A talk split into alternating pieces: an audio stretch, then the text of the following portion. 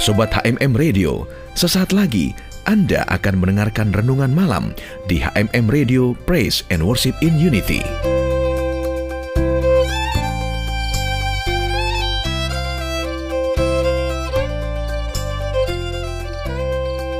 Shalom Sobat HMM Radio Sepanjang hari ini pasti Anda semuanya telah bekerja dengan keras Dan perlu sejenak mengistirahatkan kejiwaan Anda, pikiran dan perasaan Anda di dalam hadirat Allah dalam program renungan malam ini.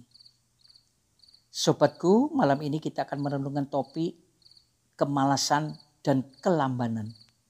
Sobatku, maaf sampai hari ini saya masih dapat info di dunia marketplace bahwa masih ada saja anak-anak Tuhan yang malas dan lamban dalam bekerja Padahal Tuhan Yesus telah mengajarkan kepada kita sekalian sebagai anak-anaknya harus punya kinerja di atas rata-rata. Dalam Matius 5 ayat yang ke-41 sabda Tuhan Yesus dikatakan demikian.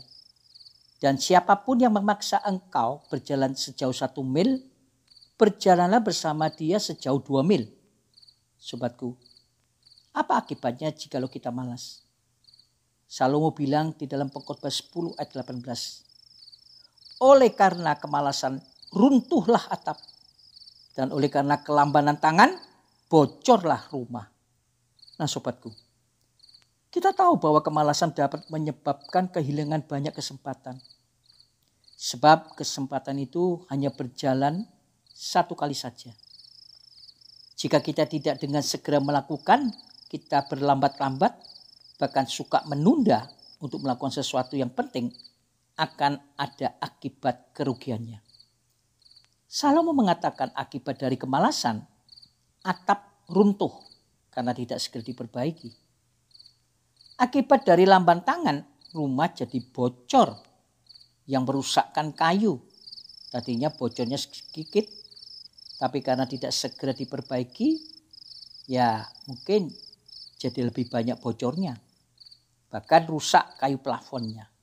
Akibatnya tentu biaya dan waktu yang dikeluarkan lebih besar. Kemalasan adalah kebiasaan yang terbentuk dan lama-lama bisa jadi habitat. Sobatku, lawannya kemalasan adalah rajin. Kerajinan juga adalah kebiasaan yang dibentuk dengan tujuan yang jelas. Melatih diri untuk tidak berlambat-lambat.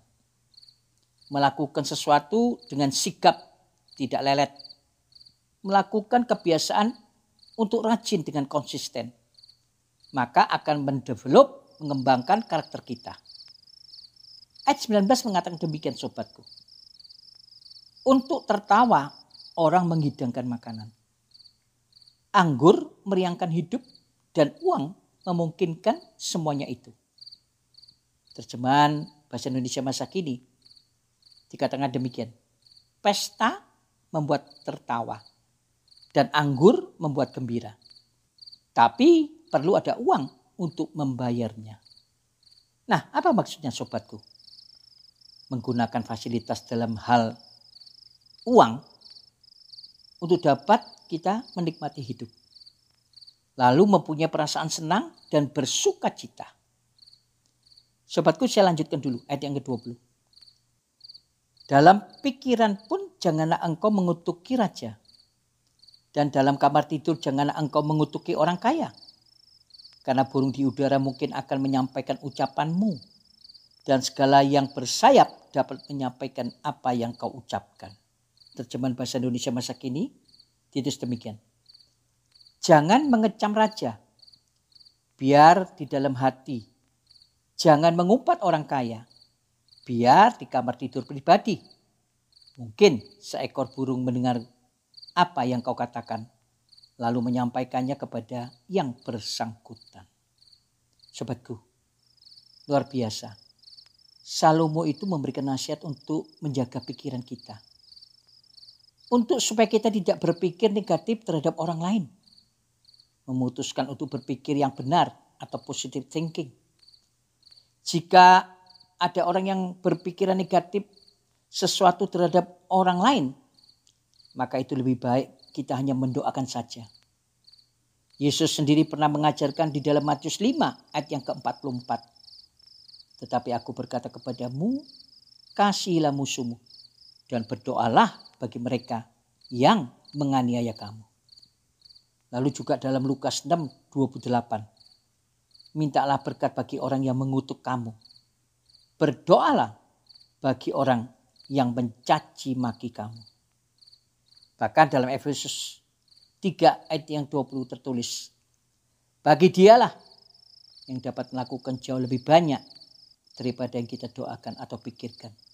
Seperti yang ternyata dalam kuasa yang bekerja di dalam kita. Sobatku, karena itu di sinilah kita belajar. Mari miliki positive thinking dalam kehidupan kita. Kalau itu sumbernya benar, saya berdoa supaya kita semuanya tidak memiliki kelambanan dan tidak memiliki kemalasan dalam bertindak segala sesuatu. Seringkali justru pikiran-pikiran negatif itulah yang menghambat kita, yang membuat kita jadi malas dan lamban, serta menunda-nunda waktu. Dan kita sudah belajar, kairos atau waktunya Tuhan, itu hanya berjalan satu kali. Tidak bisa terulang kembali kesempatan yang paling terbaik, kesempatan emas. Karena itu jadilah kita hidup yang berhikmat dan bijaksana Ketika kita punya pikiran yang positif, pasti kita akan rajin dan bisa membaca kesempatan dan hidup kita tidak malas dan lambat. Haleluya. Mari sobatku kita sama-sama berdoa. Bapak yang kami sembah di dalam nama Tuhan Yesus. Sungguh kami sangat bersyukur buat malam yang indah ini Tuhan. Kau telah banyak berbicara dan mengajar dan menegur kami. Dan engkau selalu mengingatkan kami terutama di tahun integritas ini. Supaya kami tidak menjadi orang yang malas. Bahkan tidak menjadi orang yang suka menunda, menumpuk pekerjaan. Karena itu bisa mengubah kebiasaan kami, habitat kami. Jadi orang yang malas dan lamban. Tuhan tolonglah kami. Kami nggak mau terjadi seperti apa yang dikatakan oleh Salomo. Oleh karena kemalasan runtuhlah atap. Dan oleh karena kelambanan tangan, bocorlah rumah. Tuhan, pasti kalau kami berbuat yang tidak baik, kami malas, kami lamban, kerugiannya akan semakin banyak. Karena Tuhan, bagi Tuhan tidak ada yang mustahil. Ketika kami bertobat dan mengarahkan hidup kami kepada Engkau, maka kami akan dimampukan bisa melakukan apa yang seperti kau kendaki malam hari ini. Tidak ada yang tidak bisa. Kami tuntaskan dalam setiap tugas dan beban pekerjaan kami. Semua perkara dapat kami tanggung di dalam Tuhan Yesus. Dan pasti kami akan dibuatnya berhasil. Dan kami tidak mau menunda-nunda.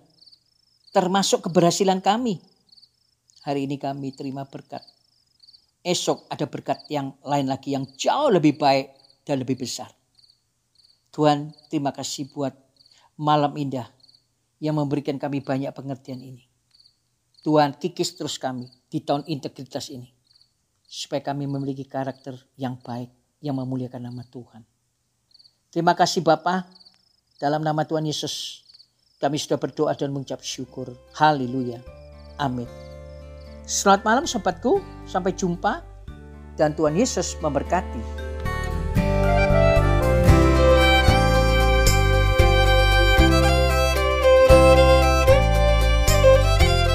Sobat HMM Radio, demikianlah tadi anda sudah mengikuti renungan malam di HMM Radio Praise and Worship in Unity.